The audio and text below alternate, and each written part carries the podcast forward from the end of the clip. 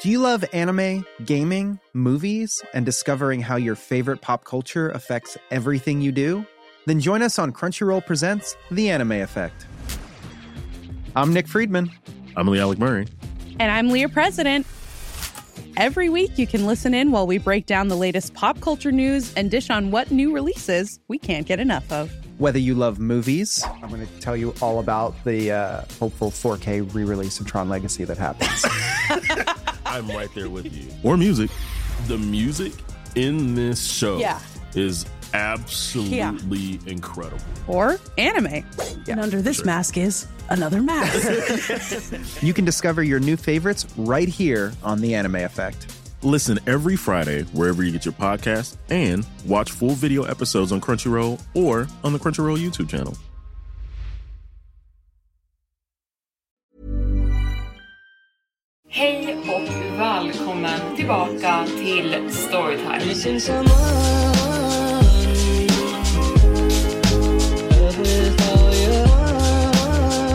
Hej och välkommen tillbaka till Storytime-podden med mig, Evelin Blomfelt.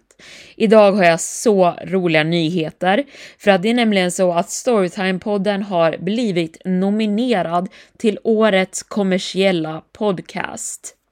Det här är alltså poddens första nominering och jag känner mig så stolt och eh, tacksam för det här. Så jag skulle uppskatta jätte, jättemycket om ni ville gå in och rösta på Storytime-podden om ni vill såklart. Och det kan ni göra genom att gå in på Influencer Marketing Summit, alltså summit.se och sen Influence Awards. Och där kommer jag finnas under årets kommersiella podcast. Det tar ungefär 10 sekunder att rösta. Ni behöver bara fylla i namn och mail. Man får skriva en liten motivering om man vill. Jättekul om ni gör det, men som sagt, det går jättefort och det betyder jättemycket för mig. Så gå snälla in och rösta på Lilla Storytime podden. Och med det sagt så tänker jag att vi sätter igång med dagens avsnitt. Ni kommer få höra två historier på rad som handlar om att förutspå framtiden och speciellt dödsfall i framtiden, vilket kanske inte alltid är en så rolig sak att kunna göra, vilket ni kommer få höra alldeles strax. En konstig man berättade när jag skulle dö och nu är jag rädd att han talade sanning. Den 30 augusti 2023 klockan 11.56. Va? sa jag och stirrade på mannen som satt bredvid mig på parkbänken. Hans blick var fixerad ner i marken och han svarade tröttsamt. Det är då du kommer dö. Han lät utmattad, besegrad, som en soldat som kommit hem från kriget och sett mycket död. Men det är om två minuter. Jag tror inte på dig. Tro vad du vill, grabben. Det spelar ingen roll för mig. Han såg upp på mig. Mörka ringar under hans insjunkna ögon. Det tänker jag. Jag ställde mig upp från bänken och var beredd att gå därifrån. Jag hade bara hunnit ta två steg bort från bänken när någonting massivt välte ner precis där jag hade suttit för två minuter sedan. Jag drog efter andan och vände mig om. En enorm trägren hade brutits av från trädet över parkbänken och landat precis där jag satt. Mina ögon blev vida och mitt hjärta började slå hårt i min bröstkorg. Han hade haft rätt. Hade jag suttit kvar där hade jag blivit totalt krossad. Varsågod, sa mannen, borstade bort några löv från trädet som hade landat på hans axel och ställde sig upp. Han vände sig om för att gå därifrån medan jag försökte komma på vad jag skulle säga. Hur i helvete, sa jag när mannen vände på klacken och började gå iväg på trottoaren. Jag kom ur min chock och sprang ikapp honom. En miljon frågor gick igenom mitt huvud. Hur visste han det här? Så ehm, tack för att du räddade mig. Ingen fara, sa han utan att titta på mig igen. Hur gjorde du det där? Gjorde vad? Och kom igen nu, du vet vad jag pratar om. Hur visste du att jag skulle dö? Mannen stannade upp och vände sig för att se på mig. Hans ögon mötte mina och för någon anledning fick jag en rysning som gick genom hela min kropp. Lyssna här grabben. Jag har haft den här förmågan ända sedan jag var ett barn. Det är en förbannelse och det har förstört mitt liv. Var glad att du inte behöver gå igenom samma sak. Jag stirrade bara på honom och funderade en stund. Sen sa jag, jag tror inte det skulle vara så illa. Det kanske skulle vara bra att veta hur folk dör så man kan stoppa det, precis som du gjorde med mig nu. Mannen stirrade på mig en stund. Sen sa han, du skulle alltså vilja ha det här? Ja, jag skulle inte ha något emot det, erkände jag medan jag ryckte på axlarna. Okej grabben, vi gör en deal. Jag för över min förmåga till dig. Jag slipper det här och du får förmågan att hjälpa som du ser det. Men jag har bara ett krav, sa han och ett litet flin formades på hans läppar. Jag reste på mina ögonbryn. Där var det. Vad?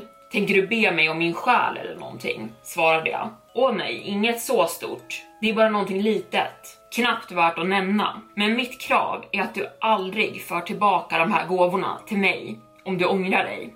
Vad som än händer. Det är allt. En känsla av lättnad sköljde över mig. Jaha, men det kommer jag inte göra. Jag går med på det. Sen sträckte jag fram min hand för att skaka på vår deal. Jag är glad att vi kunde komma fram till en lösning, sa mannen. Han fattade tag i min hand med en kraft som verkade omöjlig. Samtidigt som han gjorde det exploderade varje nerv i min kropp av smärta. Jag försökte rycka loss min hand, men hans grepp var för hårt. Han var alldeles för stark. Varför, varför gör du det här? Stammade jag fram medan den hemska smärtan förlamade mig och spred sig genom min kropp som en eld. Det är inte jag som gör det riktigt. Det är krafterna som förs över till dig. Smärtan blev alldeles för mycket för mig och helt plötsligt föll jag till marken i parken, hållandes i mannens hand medan jag skakade av smärtan. Hela min kropp gjorde ont. Varje cell skrek av smärtan. Jag trodde att jag skulle dö och sen till slut svimmade jag och allt blev svart. Jag vaknade av att någonting petade mig i ansiktet.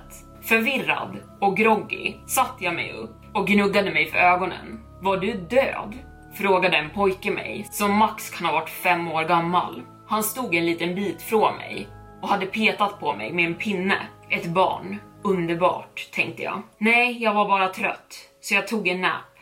Vart är din mamma kompis? Frågade jag medan jag borstade bort löven och gruset som hade fastnat på mina armar. Hon är där borta, sa han och pekade med pinnen mot en kvinna i en ljuslila kofta som satt på bänken där jag nästan hade krossats till döds för en stund sedan. Men du är konstig, fortsatt barnet. Och hon vill inte att jag pratar med främlingar. Hejdå! Och med det sprang han bort över till sin mamma. Vanligtvis hade jag varit glad över att bli av med honom. Men medans jag såg på när pojken sprang iväg till sin mamma sköljdes jag över en stark känsla och i mitt huvud hörde jag helt plötsligt datumet 18 december 2029. Det betöd att överföringen av krafterna hade fungerat. Men det betöd också att den här lilla pojken bara hade sex år kvar att leva. Nåväl, det här kommer inte bli enkelt, insåg jag. Jag samlade modet för att göra den rätta saken. Jag ställde mig upp och började gå fram till kvinnan på bänken och formulerade orden i mitt huvud. Jag visste att jag skulle låta galen, men vad annars skulle jag göra? Jag hade chansen att rädda ett liv och jag behövde göra något åt det. Kvinnan såg på mig från topp till tå när jag gick fram till henne. Ungefär som säkerhetsvakterna i tullen på flygplatsen. Uh, jag vet att det här kommer låta väldigt konstigt, men du, du förstår, jag ser människors död innan de händer och din son kommer dö den 18 december 2029. Jag bara kände att jag var tvungen att säga någonting. Du förstår, om det finns något sätt du kan förhindra det här på. Kvinnan stod tyst och glodde på mig en stund. Sen fattade hon dramatiskt tag i sin väska som låg bredvid henne och sa Du har rätt, det låter väldigt märkligt. Och för att vara helt ärlig så tror jag att du hör hemma på ett psykhem. Håll dig borta från mig och min son. Jag famlade efter någonting att säga i mitt huvud medan mamman fattade tag i sin sons arm och snabbt gick därifrån. Men jag blev för distraherad när jag såg på kvinnan medan hon gick därifrån. 25 september 2074. Sen såg jag på pojken igen som fördes mot parkeringsplatsen av sin mamma och jag suckade av lättnad. 16 december 2089. Jag hade lyckats förhindra hans död. Uppdraget slutfört, tänkte jag. Jag började gå genom parken för att ta mig hem, väldigt redo att ta mig en stödvila. Jag var utmattad. Medan jag fortsatt gå passerade jag flera människor i parken som fångade eftermiddagssolen. Ett fotbollslag som tränade på straffar. Två tonårstjejer som cyklade sakta genom parken. Ett äldre par som satt på en bänk och matade änderna. Jag visste när alla de här människorna skulle dö. Datum flög igenom mitt huvud som arga getingar. 10 februari 2078. 24 november 2056. 19 mars 2024. Jag kunde inte hindra de här tankarna. De bara flög in i mitt huvud, tog upp all min tankekraft och distraherade mig. Och det började göra mig vansinnig med en gång. Jag sprang sista biten hem, stirrade ner i marken hela vägen. Jag försökte undvika att få syn på människor och se deras datum. Jag hade gjort ett hemskt misstag. Jag behövde komma på ett sätt att bli av med min nya förmåga snabbt innan jag förlorade förståndet. Men hur? Hej Filip, hur var parken? Frågade mamma när jag staplade in genom ytterdörren. Eh, det var okej, okay, ljög jag och undvek att kolla på henne. Är allting okej? Okay? Du ser blek ut. Filip, kolla på mig, sa hon. Mitt hjärta dunkade hårt i min bröstkorg. Jag ville verkligen inte. Men jag var tvungen att titta på mamma någon gång. Jag skulle behöva hantera det förr eller senare oavsett. Mitt hjärta dunkade så hårt så jag hörde det i mina öron när jag sakta lyfte upp mitt huvud och såg på henne. Det kändes som att tiden rörde sig i slow motion. Men först hände ingenting och jag började tro att det inte skulle göra det. Men sen kom det, 6 augusti 2065. Jag släppte ut ett tungt andetag och lättnad sköljde över mig. Mamma skulle leva tills hon var 81. Jag är okej okay, mamma, jag lovar. Jag är bara väldigt trött. Jag ska gå upp och ta en nap. Okej okay, älskling, sa mamma och kollade på mig fortfarande misstänkt. Men sov inte för länge. Vi ska äta middag om några timmar. Jag gav henne tummen upp och skyndade mig upp för trapporna. Jag puttade upp dörren till badrummet och satt på kranen. Jag sköljde mitt ansikte i kallt vatten. Varför hade jag trott att något av det här skulle vara en bra idé?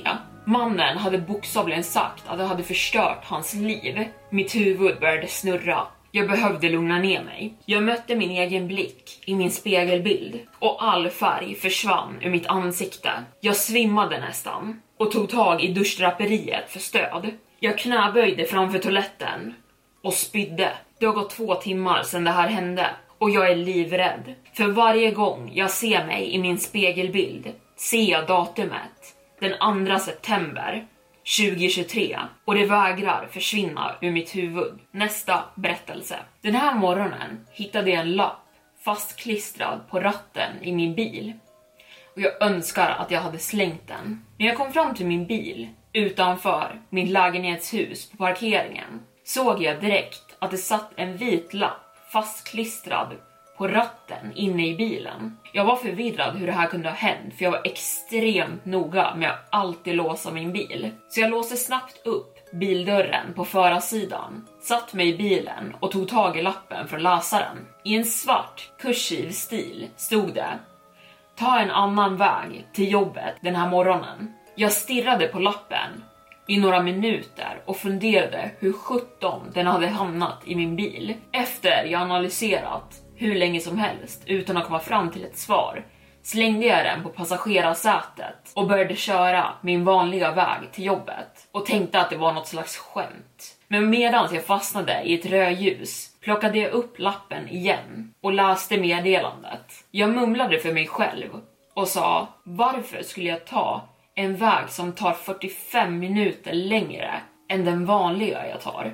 Sen insåg jag att jag pratade med en liten lapp och jag kollade på mig själv i backspegeln och skrattade hur dumt det var. Men samtidigt tappade jag lappen i mitt knä och den vände sida av misstag. Då såg jag att någonting mer stod skrivet på baksidan av lappen. Det kommer vara en stor olycka på den vanliga vägen med en skjutning där flera kommer dö. Och om du åker den kommer du också att göra det. Jag fick en extremt dålig magkänsla efter jag läst det här och jag röck till när jag hörde en bil tuta bakom mig i rödljuset och insåg att det hade slått om till grönt, vilket jag inte hade märkt eftersom att jag stirrat ner på lappen. Jag gasade och gjorde en U-sväng för att köra av motorvägen och ta den längre vägen oavsett. Jag kom 20 minuter sent till jobbet eftersom att jag gjorde det här. Min chef Göran kallade in mig på sitt kontor sekunden jag klev in på kontoret. Jag hade fortfarande lappen kvar i min hand och stoppade snabbt ner den i min ficka. Varför i helvete var du sen? sa Göran. Jag hade en jobbig morgon och eh, jag var tvungen att ta en annan väg för att ta mig till jobbet och eh, sa jag snabbt. Lyssna här, du är full av ursäkter. Det är exakt därför jag inte kommer befordra dig till den nya chefspositionen. Jag kan inte ha en senior manager som kommer sent till jobbet och inte tar ansvar. Men han, jag har de högsta säljsiffrorna av alla på kontoret. Du har till och med själv sagt att ingen dragit in så mycket pengar som jag har gjort, sa jag med en stigande ilska i rösten. Resultatdriven är du, men pålitlig. Inte så mycket. Och efter den här morgonens händelse så ser dig bara inte passa som en senior manager. Jag behöver någon som är konsistent och du kan lämna kontoret nu. Den här konversationen är över. Jag stormade ut ur kontoret och gick tillbaka till min bil. Jag behövde vara ensam och lugna ner mig en stund. Jag drog upp lappen ur min ficka igen och skrek på den när jag väl satt mig i bilen. Dumma, magiska lilla brev. Gillar inte Göran mig eller vad är problemet? Varför skulle han inte befordra mig när jag är den bästa säljaren på hela kontoret? Det här var den enda gången jag någonsin varit sen. Jag skrek så högt så att venerna blev synliga i min panna. Jag vek upp den ihopvikta lappen och min ilska blev snabbt till chock när jag såg att det stod ett nytt långt meddelande på den den här gången. Men meddelandet var skrivet i samma kursiva text som tidigare. Göran kommer inte befordra dig för att han har en affär med en kvinna på kontoret. Han har bara letat efter en anledning att skylla på för att inte befordra dig och ge tjänsten till henne istället. Han kommer annonsera det imorgon. Ilskan kom tillbaka så fort jag läste det här och mina kinder blev röda och i en minut glömde jag bort det sjuka av att en magisk lapp berättade saker för mig och fokuserade bara på ilskan av situationen. Jag ville springa in i kontoret igen och kasta någonting så hårt jag bara kunde i Görans huvud. Men sen mindes jag att lappen verkade svara på mina frågor, trots att jag inte förstått det i morse när jag frågade den varför jag skulle byta väg. Så istället ställde jag den en ny fråga och frågade om det fanns något sätt för mig att bli befordrad ändå och avslöja vad Göran höll på med. Jag vände på brevet i mina händer och nu stod ett svar på min fråga. Han kommer dö i en bilolycka tillsammans med den kvinnliga kollegan om två veckor på grund av att han har kört hem full. Och på grund av det kommer två lediga tjänster öppna upp sig på kontoret och du kan ansöka till båda. Jag satt i tystnad en stund och vände på lappen i mina händer. Det kändes fel att jag visste svaret på frågan och att jag fick den här sortens information jag inte borde veta. Jag bestämde mig för att åka hem och samla mig istället. Jag vek ner lappen i min ficka igen medan jag körde, men samtidigt som jag tog avfarten upp på motorvägen på den vanliga vägen jag tog till jobbet så såg jag att den var kraftigt avspärrad med polisbilar överallt och krockade bilar med pistolskott i dörrar och fönster. Jag kom hem och hällde upp ett glas whisky till mig själv och hoppades att alkohol skulle lugna ner mina nerver och få mig att förstå vad som försiggick. Jag tog med mig hela flaskan in på mitt kontor och satt mig vid datorn och började googla på allting om magiska lappar eller brev som dök upp från ingenstans. Men jag hittade ingenting annat än fantasyböcker. Fortfarande sittandes vid datorn drog jag fram lappen igen och vek upp den. Sen frågade jag den vem som hade lagt lappen i min bil på morgonen. Medan jag väntade på svar tog jag en till sipp av whiskyn och sen öppnade jag upp den och läste ett nytt svar. Den gillar att gå vid namnet Sanningen. Jag frågade lappen igen. Är sanningen en person? Och flippade över brevet till andra sidan. Sanningen är inte en person, stod det på lappen. Så hur exakt ser sanningen ut? Frågade jag och vände snabbt över lappen till andra sidan. Sanningen har sex ben, fyra armar. Den har inga ögon, åtta öron och elva munnar fulla av vassa tänder. Mina ögon blev vida medan jag läste Beskrivningen, skriven i den fina svarta kursiva handstilen. Rädsla sköljde över mig medan håren på baksidan av min nacke stod upp. Jag frågade nästa fråga jag kom att tänka på. Vad vill den mig? Varför gav den mig lappen? Sa jag högljutt och vände sen sakta över den till andra sidan. Den vill att du frågar den det själv. Den står precis bakom dig. Jag släppte lappen efter jag läst det, men jag vågade inte röra på mig. Jag bara satt där och stirrade rakt in i min dator. Jag ville inte se den hemska sanningen som stod bakom mig. En kort stund därefter hörde jag någon som öppnade min ytterdörr. Älskling, vi måste verkligen prata, hörde jag min flickvän säga från köket. Jag hade glömt att jag gett henne nyckeln till min lägenhet.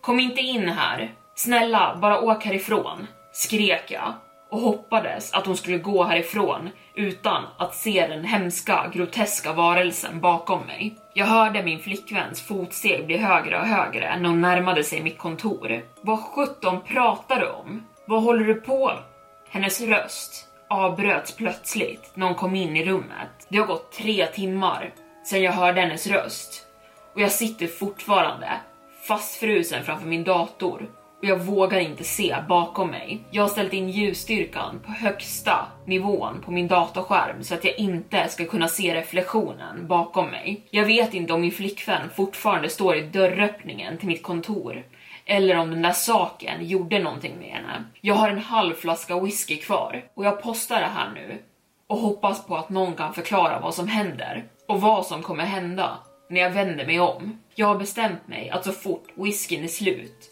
kommer jag äntligen vända mig om. Beskrivningen på lappen har skrämt skiten ur mig, men till slut kommer jag inte ha något alternativ annat än att se den hemska sanningen i ögonen.